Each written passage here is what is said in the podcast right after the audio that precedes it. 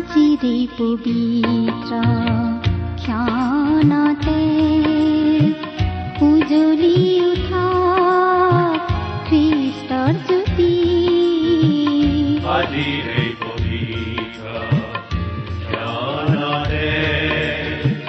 উজ্বলি উঠ খ্ৰীষ্টৰ জ্যোতি আকাশ ভক্তিবচন অনুষ্ঠানৰ মজিয়ালৈ আপোনাক স্বাগতম প্ৰিয় শ্ৰোতা। প্ৰিয় শ্ৰোতা ভক্তিবচন অনুষ্ঠানৰ আজিৰ এই নতুন কাৰ্যসূচীত আপোনাক আকৌ লগ পোৱাৰ বাবে ধন্যবাদ। বাইবেল শাস্ত্ৰৰ এই শিক্ষাসমূহে আপোনালৈ আশীৰ্বাদ কঢ়িয়াই আনিছে বুলি আশা কৰিছো। এই ভক্তিবচন অনুষ্ঠানত আমি যিজন ঈশ্বৰৰ বিষয়ে শুনিবলৈ পাওঁ তেওঁ অতি পবিত্ৰ ঈশ্বৰ। তেওঁৰ পবিত্ৰতাই ঈশ্বৰত্বৰ মহাগৌৰ। তেওঁ কেৱল নিজেই পবিত্ৰ এনে নহয় তেওঁ মানুহকো পবিত্ৰ হবলৈ সহায় কৰে। প্ৰভু যীশুখ্ৰীষ্টৰ ক্ৰুচীয় বলিদানৰ যোগেৰে পাপী মানুহৰ পাপ ধুবলৈ তেওঁ ব্যৱস্থা কৰিলে যাতে সেই বলিদানত বিশ্বাস কৰি পাপমোচন হয় আৰু পাপৰ সাগৰত ডুব গৈ থকা মানুহ পৰিষ্কাৰ আৰু সূচী হয় পবিত্ৰ হয়। অকল সেয়াই নহয় প্ৰতিদিন পবিত্ৰ জীৱন যাপন কৰিবলৈ সহায় কৰিবৰ বাবে তেওঁ পবিত্ৰ আত্মাক এই পৃথিৱীলৈ পঠিয়াই দিছে। সেই পবিত্ৰ আত্মাই আপোনাক সত্যৰ পথেৰে পবিত্ৰতাৰে চলি যাবলৈ সহায় কৰে। এই পবিত্ৰ ঈশ্বৰৰ বিষয়ে আৰু অধিককৈ জানিবলৈ আহক। আজিৰ ভক্তিবচন অনুষ্ঠান শুনো। আমি মাথো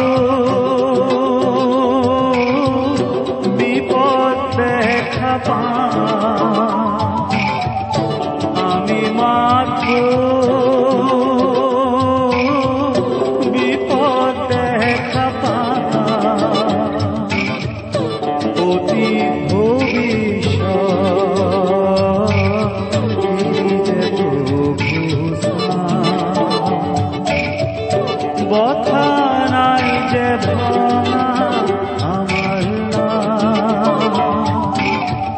বথা নাই যে ভঙা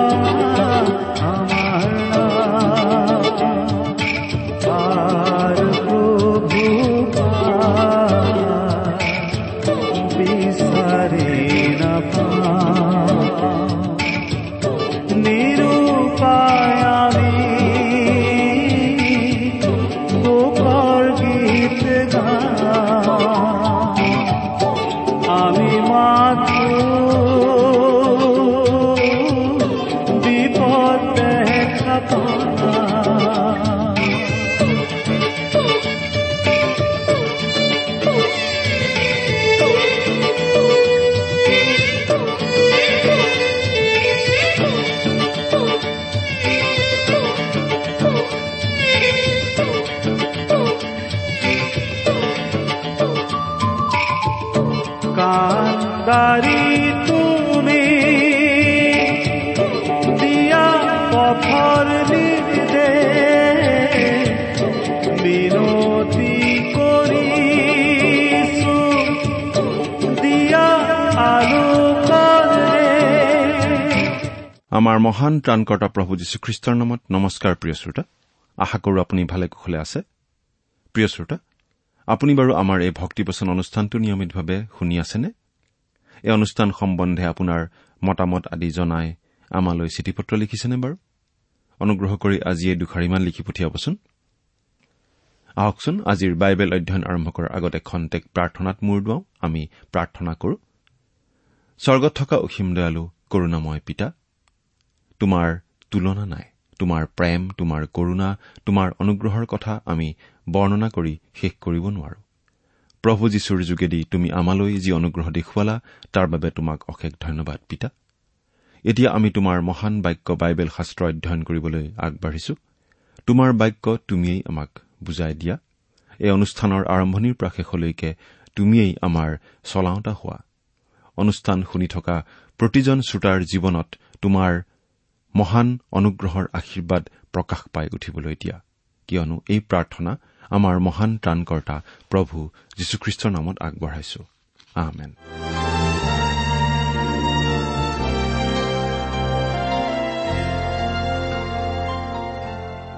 প্ৰিয় শ্ৰোতা আপুনি বাৰু আমাৰ এই ভক্তিবচন অনুষ্ঠানটো নিয়মিতভাৱে শুনি আছেনে? যদিহে শুনি আছে তেনেহলে আপুনি নিশ্চয় জানে যে আমি আজি কিছুদিনৰ পৰা বাইবেলৰ পুৰণি নিয়ম খণ্ডৰ জিহিচকেল ভাৱবাদীৰ পুস্তক নামৰ পুস্তকখন অধ্যয়ন কৰি আছো। নহয়নে বাৰু? যোৱা অনুষ্ঠানত আমি এই জিহিচকেল ভাৱবাদীৰ পুস্তকখনৰ দহ আৰু এঘাৰ নম্বৰ অধ্যায় দুটা আলোচনা কৰিছিলো। গতিকে আজি আমি আলোচনা কৰিবলৈ হাতত লৈছো বাৰ আৰু তেৰ নম্বৰ অধ্যায় দুটা।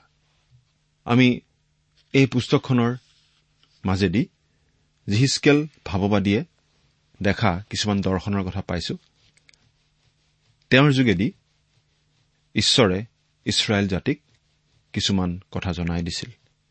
ইছৰাইল জাতিৰ ওপৰলৈ ঈশ্বৰৰ যে সুধবিচাৰ আহিছিল তেওঁলোকৰ অবাধ্যতাৰ কাৰণে কেনেকৈ জিৰচালেম ধ্বংস হ'ব কেনেকৈ তেওঁলোকৰ মাজৰ কিছুমান অৱশিষ্ট লোকে ঈশ্বৰলৈ ঘূৰিব ইত্যাদি ইত্যাদি কথা তেওঁলোকক জনাই দিছিল আৰু সেইবোৰ কথা আমি পাই আছো।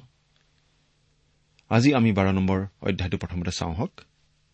এই বাৰ নম্বৰ অধ্যায়ত আমি পাওঁ জিহিচকেল ভাৱবাদীয়ে চীন প্ৰদৰ্শনেৰে। তেওঁৰ ভাৱবাণী ঘোষণা অব্যাহত ৰাখিছে আৰু কৈছে যে সুধবিচাৰ তেনেই সন্নিকট। কিন্তু কোনো মানুহে তেওঁৰ সেই কথা বিশ্বাস নকৰে। জিহিচকেল ভাৱবাদীৰ ক্ষেত্ৰত এই অধ্যায়টোত দৰকাৰী কথাটো এয়েই হ'ব ঈশ্বৰৰ বচন গুৰুত্ব সহকাৰে ঘোষণা কৰা। এই কথাটোত তেওঁ নিশ্চিত হ'ব লাগিব যে তেওঁ ঈশ্বৰৰ বচনেই ঘোষণা কৰিছে। প্ৰথমতে আমি বাৰ নম্বৰ অধ্যায়ৰ এক নম্বৰ পদটো চাওঁ। আৰু জিহুৱাৰ বাক্য মোৰ ওচৰলৈ আহিল বোলে জিহুৱাৰ বাক্য মোৰ ওচৰলৈ আহিল। এই অধ্যায়টোত এই বাক্যটো জিহিচকেল ভাৱবাদীয়ে পাঁচবাৰ ব্যৱহাৰ কৰিছে। এই এক নম্বৰ পদৰ উপৰিও তেওঁ আঠ সোতৰ একৈশ আৰু ছাব্বিছ নম্বৰ পদত এইটো ব্যৱহাৰ কৰিছে। ইয়াৰ দ্বাৰা কি বুজাব খোজা হৈছে তাক ধৰিব পাৰিছেনে বাৰু? ইয়াৰ দ্বাৰা তেওঁ মানুহখিনিক এই কথা বুজাবলৈ চেষ্টা কৰিছে যে তেওঁ যিখিনি কথা কৈছে সেয়া ঈশ্বৰৰ বচনহে কৈছে। ঈশ্বৰৰ বচনৰ বাহিৰে তেওঁ আন একো কোৱা নাই। বাৰ নম্বৰ অধ্যায়ৰ দুই নম্বৰ পদ। হে মনুষ্য সন্তান তুমি বিদ্ৰোহী বংশৰ মাজত বাস কৰিছা। দেখিবলৈ চকু থকাটো তেওঁবিলাকে নেদেখে শুনিবলৈ কাণ থকাটো তেওঁবিলাকে নুশুনে কিয়নো তেওঁবিলাক বিদ্ৰোহী বংশ। এই হেতুকে হে মনুষ্য সন্তান তুমি নিজৰ নিমিত্তে দেশান্তৰৰ সামগ্ৰী যুগুত কৰা। আৰু দিনতে তেওঁবিলাকৰ চকুৰ আগতে দেশান্তৰলৈ প্ৰস্থান কৰা। তুমি তেওঁবিলাকৰ চকুৰ আগতে নিজ ঠাইৰ পৰা আন ঠাইলৈ যোৱা। তেওঁবিলাক বিদ্ৰোহী বংশ হলেও কিজানি বিবেচনা কৰিব? তিনি নম্বৰ পদটো একেলগে পঢ়ি দিলো। ঈশ্বৰে জিহিচকেলক সতৰ্ক কৰি আগতেই কৈ থৈছিল যে তেওঁ কব কিন্তু তেওঁলোকে নুশুনিব। অন্তৰ থাকিও তেওঁলোকে নুবুজিব। চকু থাকিও তেওঁলোকে নেদেখিব। সেই কথা প্ৰভুৱে ইছৰাইলৰ ইতিহাস আৰম্ভ হবৰ সময়তেই কৈ থৈছিল। দ্বিতীয় বিৱৰণ ঊনত্ৰিশ নম্বৰ অধ্যায়ৰ চাৰি নম্বৰ পদত আমি এই কথা পঢ়িবলৈ পাওঁ। কেৱল জিহিচকেলেহে যে এই বিষয়ে কৈছে এনে নহয় যিচয়া ভাৱবাদীয়েও এই কথা কৈ গৈছে। এই বিষয়ে আমি পঢ়িবলৈ পাওঁ যিচয়া ছয় নম্বৰ অধ্যায়ৰ ন আৰু দহ নম্বৰ পদ। যিচয়া ছয় নম্বৰ অধ্যায়ৰ ন আৰু দহ নম্বৰ পদ। জিৰিমীয়া ভাৱবাদীয়েও এই বিষয়ে কৈছে। তেওঁলোকে যে চকু থাকিও নেদেখিব কাণ থাকিও নুশুনিব অন্তৰ থাকিও নুবুজিব সেই কথা জিৰিমীয়া পাঁচ নম্বৰ অধ্যায়ৰ একৈশ নম্বৰ পদত। জিৰিমীয়া পাঁচ নম্বৰ অধ্যায়ৰ একৈশ নম্বৰ পদ। পাচনি কৰ্ম আঠাইছ নম্বৰ অধ্যায়ৰ ছাব্বিছ আৰু সাতাইছ পদত আমি এনেদৰে পঢ়িবলৈ পাওঁ এই মানুহবিলাকৰ ওচৰলৈ গৈ কোৱা তোমালোকে শুনোতে শুনিবা কিন্তু নুবুজিবা। দেখোতে দেখিবা কিন্তু নাজানিবা। কিয়নো এই মানুহবিলাকে যেন চকুৰে নেদেখে কাণেৰে নুশুনে চিত্তেৰেও নুবুজে আৰু ঘূৰি নাহে। আৰু মই তেওঁবিলাকক যেন সুস্থ নকৰো এইকাৰণে তেওঁবিলাকৰ চিত্ৰ ভুতুহা আৰু শুনিবলৈ কাণো গধুৰ। আৰু তেওঁবিলাকে নিজ নিজ চকু মুদি আছে। অৰ্থাৎ এই মানুহবিলাক কাণ থাকিও নুশুনা মানুহ। চকু থাকিও নেদেখা মানুহ। চকু আৰু কাণ তেওঁলোকে বন্ধ কৰি ৰাখিছে। প্ৰিয় শ্ৰোতা আজি যেতিয়া মানুহে কয় যে তেওঁলোকে বিশ্বাস কৰিব নোৱাৰে খ্ৰীষ্টৰ কথা গ্ৰহণ কৰিব নোৱাৰে তেতিয়া আচলতে সেইটো তেওঁলোকৰ মানসিক সমস্যা নহয়। সেইটো আচলতে তেওঁলোকৰ অন্তৰ আৰু ইচ্ছাৰ সমস্যা। আচলতে তেওঁলোকে বিশ্বাস কৰিবলৈ ইচ্ছা নকৰে। কেৱল যিহুদী আৰু ইছৰাইল লোক বুলিয়েই নহয় গোটেই মানৱ জাতিয়েই আজি ইচ্ছা আৰু অনিচ্ছাৰ সমস্যাত ভুগি আছে। ধৰিব যে পৰা নাই বা বুজিব যে পৰা নাই অনেকৰ ক্ষেত্ৰত সেইটো সঁচা কথা নহয়। সঁচা কথাটো এইটোহে যে বিশ্বাস কৰিবলৈ তেওঁলোকৰ ইচ্ছা নাই। বহুতৰ ক্ষেত্ৰত ই প্ৰায় এটা দুৰাৰোগ্য ব্যাধিৰ নিচিনা হৈ পৰে। প্ৰভু যীশুখ্ৰীষ্টত বিশ্বাস স্থাপন কৰাৰ ফলত মানুহৰ সকলো দিশৰ পৰাই ভালৰ বাহিৰে বেয়া একোৱেই নাই। তথাপিও মানুহে যীচুত বিশ্বাস কৰিবলৈ বৰ টান পায়। কথাটো আচৰিত যেন নালাগেনে? প্ৰভু যীচুত বিশ্বাস কৰাৰ ফলত মানুহ কেতিয়াও বেয়া হৈ যোৱা আমি দেখা নাই। মানুহৰ জীৱনটো বেয়া হৈ যোৱাও আমি দেখা নাই। তথাপি মানুহে প্ৰভু যীশুত বিশ্বাস কৰিবলৈ বৰ টান পায়। বিশ্বাস নকৰে। কেতিয়াবা আমাৰ এনেকুৱা লাগে ছয়তানেই পোনপটীয়াকৈ হস্তক্ষেপ কৰে নেকি? হয়। মানুহৰ এই অৱস্থা ঈশ্বৰে জানিছিল। জিচয়া জিৰিমিয়া জিহিচকেল আৰু পৌলে জানিছিল। আৰু এতিয়া আমিও কিছু কিছু জানিছো। এতিয়া আমি অধ্যায়টোৰ তিনি নম্বৰ পদৰ পৰা ছয় নম্বৰ পদলৈকে পাওঁ জিহিচকেলে ঈশ্বৰৰ আদেশত এটা সৰু অনুকৰণ প্ৰদৰ্শন কৰি দেখুৱাইছে। অনুকৰণটো আমি বুজাই কৰি কৈ দিব নাজানিম আৰু সেইবাবে আমি পদকেইটা মাথোন পাঠ কৰিছো শুনিবচোন। তুমি দিনতে তেওঁবিলাকৰ চকুৰ আগতে দেশান্তৰৰ সামগ্ৰীৰ নিচিনাকৈ তোমাৰ সামগ্ৰী বাহিৰ কৰি নিবা আৰু দেশান্তৰলৈ ওলোৱা লোকৰ নিচিনাকৈ তুমি তেওঁবিলাকৰ চকুৰ আগতে গধূলি নিজে ওলাবা। তুমি তেওঁবিলাকৰ চকুৰ আগতে গড় খানি তাৰ মাজেদি সামগ্ৰী উলিয়াবা। তেওঁবিলাকৰ চকুৰ আগতে তুমি তাক কান্ধত তুলি আন্ধাৰত বাহিৰলৈ লৈ যাবা। তুমি ভূমি নেদেখিবৰ নিমিত্তে তোমাৰ মুখ ঢাকিবা। কিয়নো মই ইছৰাইল বংশৰ নিমিত্তে এক চিনস্বৰূপে তোমাক স্থাপন কৰিলো। আমাৰ এনেকুৱা ধাৰণা হয় জিহিচকেল কিজানি বৰ পাকৈত শিল্পী আছিল। কিন্তু অৱশ্যে তেওঁ এই অনুকৰণ কৰিছিল বা এই অভিনয় কৰিছিল। আনক মনোৰঞ্জন দিবৰ কাৰণে নহয়। কিন্তু জিৰচালেমৰ মানুহবিলাক বাবিল দেশলৈ বন্দী হৈ যে যাব লাগিব তাকে বুজাবলৈ।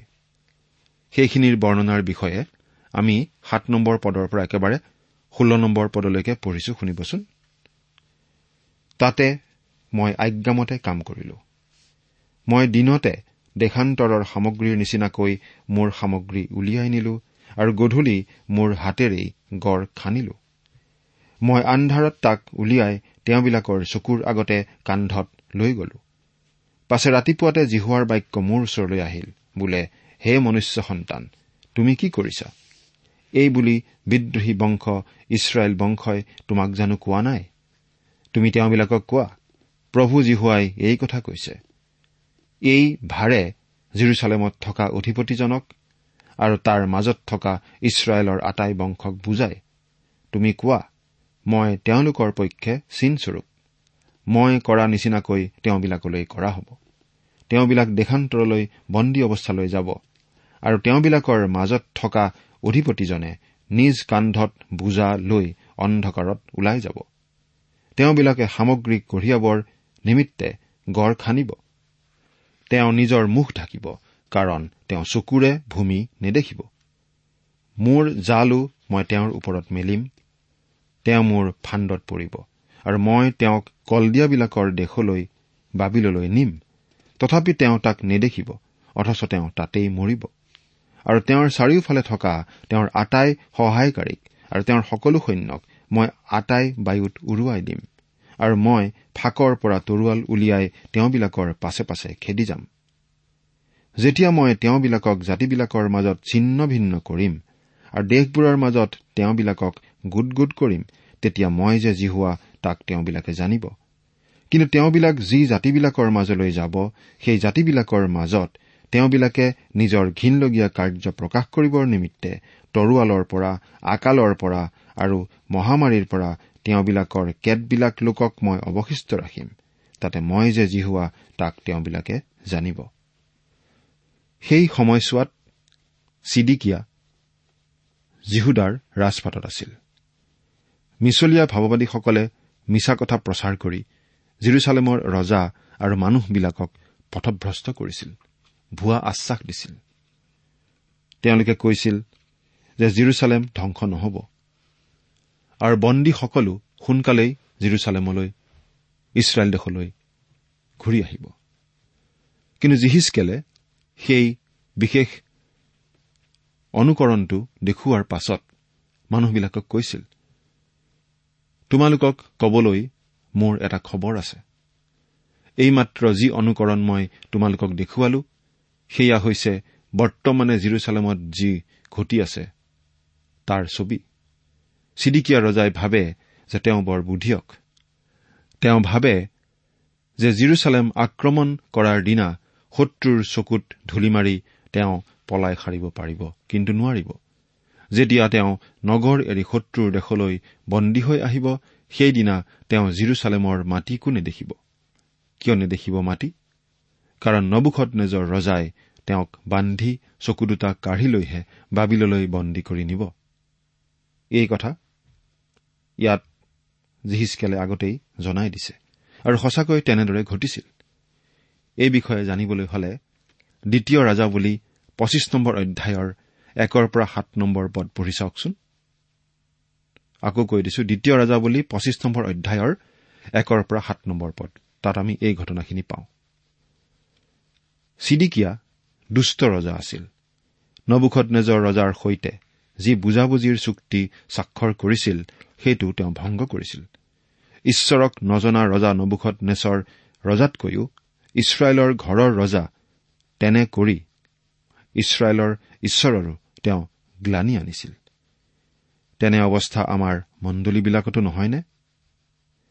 খ্ৰীষ্টক নজনা ঈশ্বৰক নমনা আমাৰ চুবুৰীৰ লোকবিলাকতকৈ বহুত সময়ত নিজকে খ্ৰীষ্টীয় বিশ্বাসী বুলি চিনাকি দিয়া লোকজনকহে অধিক কাজিয়া পেচাল ইত্যাদিত মত্ত হোৱা দেখা যায় মিছলীয়া বা ঠগবাজ হোৱা দেখা যায়। কেতিয়াবা যদি তেনে অৱস্থা কৰবাত দেখে তেন্তে জানিব যে তেওঁ চিডিকিয়া ৰজাৰ ফটো কপি আন কথাত তেওঁ এগৰাকী আধুনিক চিডিকিয়া খ্ৰীষ্টীয় সমাজৰ গ্লানী। এতিয়া আমি সোতৰৰ পৰা একেবাৰে ঊনৈশ নম্বৰ পদলৈকে পাঠ কৰি দিম। পাছে জিহুৱাৰ বাক্য মোৰ ওচৰলৈ আহিল। বোলে হে মনুষ্য সন্তান তুমি কপি কপি নিজৰ আহাৰ ভোজন কৰা। কম্পন আৰু সাৱধানেৰে নিজৰ জল পান কৰা।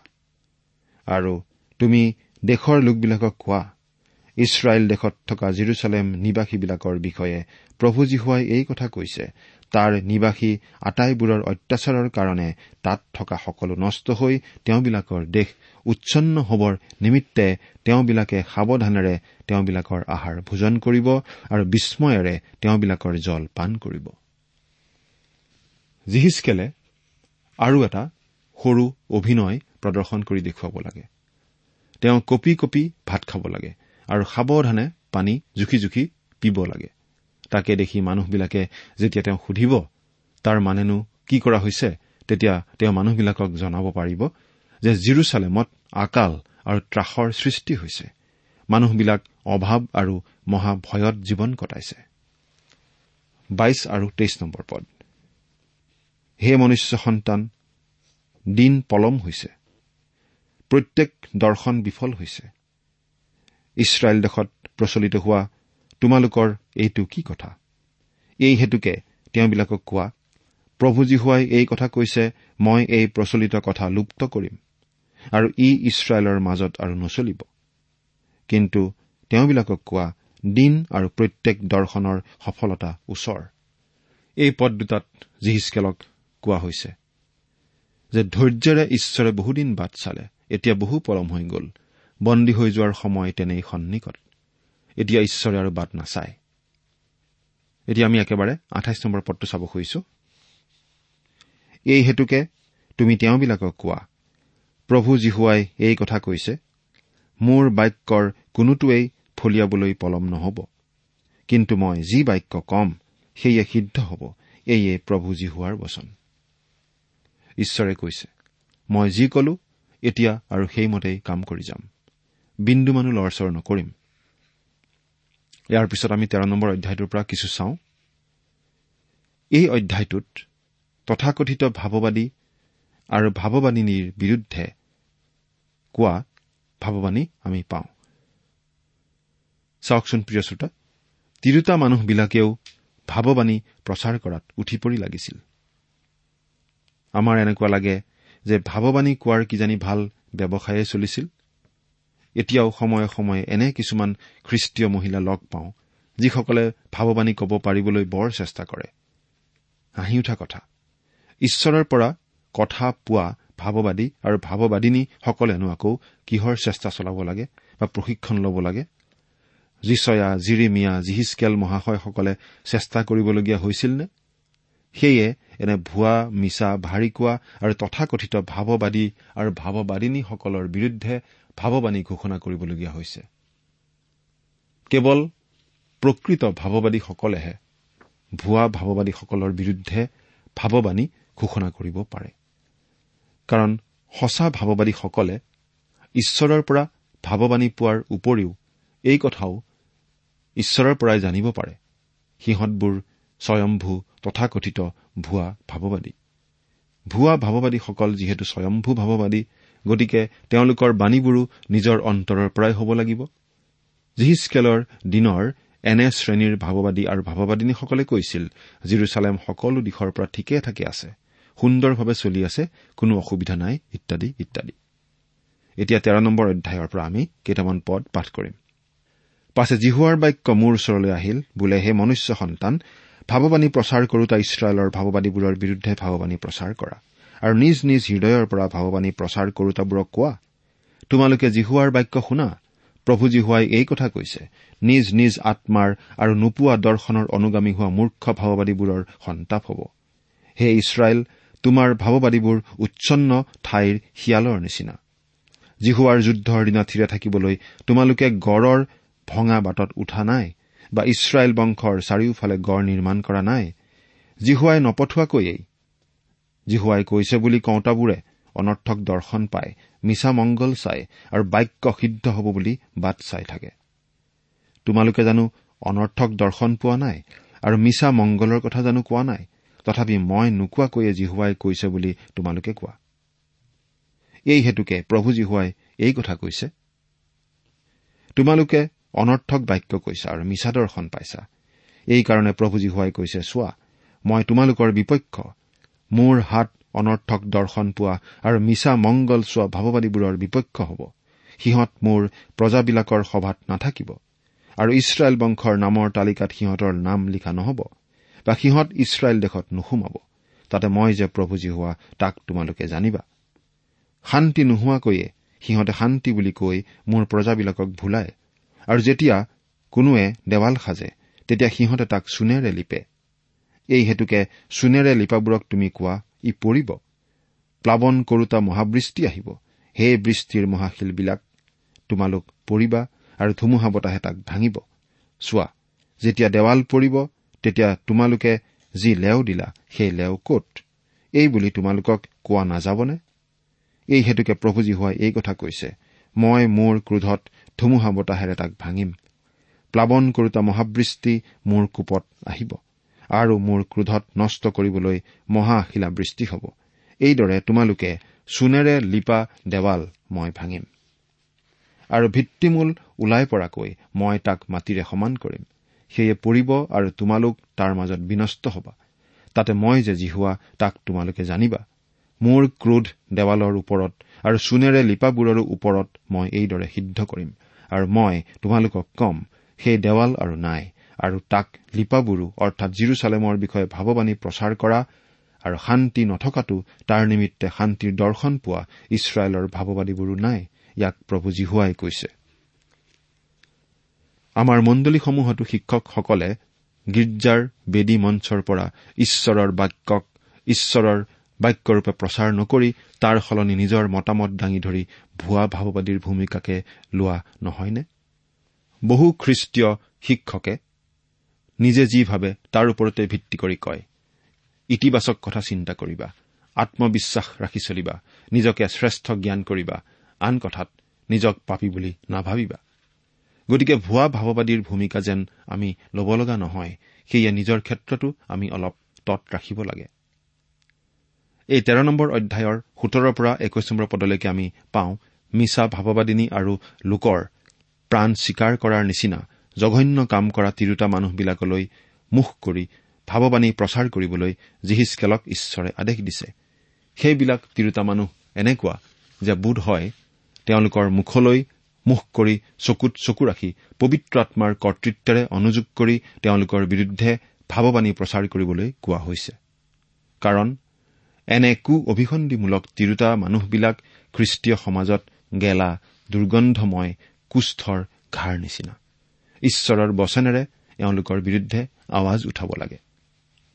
প্ৰিয় শ্ৰোতা ঈশ্বৰৰ বাক্যক ঈশ্বৰৰ বাক্য বুলি জ্ঞান কৰি আমি বাৰু তেনেকৈয়ে মানুহৰ আগত প্ৰচাৰ কৰি আছোনে আৰু নিজেও পালন কৰি আছোনে? চিন্তা কৰি চাওঁচোন। ঈশ্বৰে আমাক আশীৰ্বাদ কৰক। ইমান পৰে আপুনি বাইবেল শাস্ত্ৰৰ পৰা ঈশ্বৰৰ বাক্য শুনিলে। এই বিষয়ে আপোনাৰ মতামত জানিবলৈ পালে আমি নথৈ আনন্দিত হ'ম। আমি প্ৰস্তুত কৰা বাইবেল অধ্যয়নৰ চিডিসমূহ পাব বিচাৰিলে আৰু অনুষ্ঠানত প্ৰচাৰ কৰা কোনো কথা বুজিব লগা থাকিলেও আমালৈ লিখক। আমাৰ যোগাযোগৰ ঠিকনা ভক্তিবচন ট্ৰান্সৱৰ্ল্ড ৰেডিঅ' ইণ্ডিয়া ডাক বাকচ নম্বৰ সাত শূন্য গুৱাহাটী সাত আঠ এক শূন্য শূন্য এক। ঠিকনাটো আকৌ এবাৰ কৈছো ভক্তিবচন ট্ৰান্সৱৰ্ল্ড ৰেডিঅ' ইণ্ডিয়া ডাক বাকচ নম্বৰ সাত শূন্য গুৱাহাটী সাত আঠ এক শূন্য শূন্য এক। আমাৰ ইমেইল এড্ৰেছটো হৈছে Assamese T TV at the rate radio' eight eight two dot com আমাৰ website W W W dot T W R dot in আপুনি টেলিফোনৰ মাধ্যমেৰেও আমাক যোগাযোগ কৰিব পাৰে আমাৰ টেলিফোন নম্বৰটো হৈছে nine eight five four zero' four zero' eight eight nine phone নম্বৰটো আকৌ এবাৰ কৈছো ন আঠ পাঁচ চাৰি শূন্য চাৰি শূন্য আঠ আঠ ন আপুনি এই ভক্তিবচন অনুষ্ঠানটি আমাৰ website W W W dot radio' eight eight two dot কমতো শুনিব পাৰিব। আজিৰ অনুষ্ঠানটি ইমানতেই সামৰিছো। ঈশ্বৰৰ শান্তি আৰু অনুগ্ৰহ আপোনাৰ লগত থাকক। ধন্যবাদ।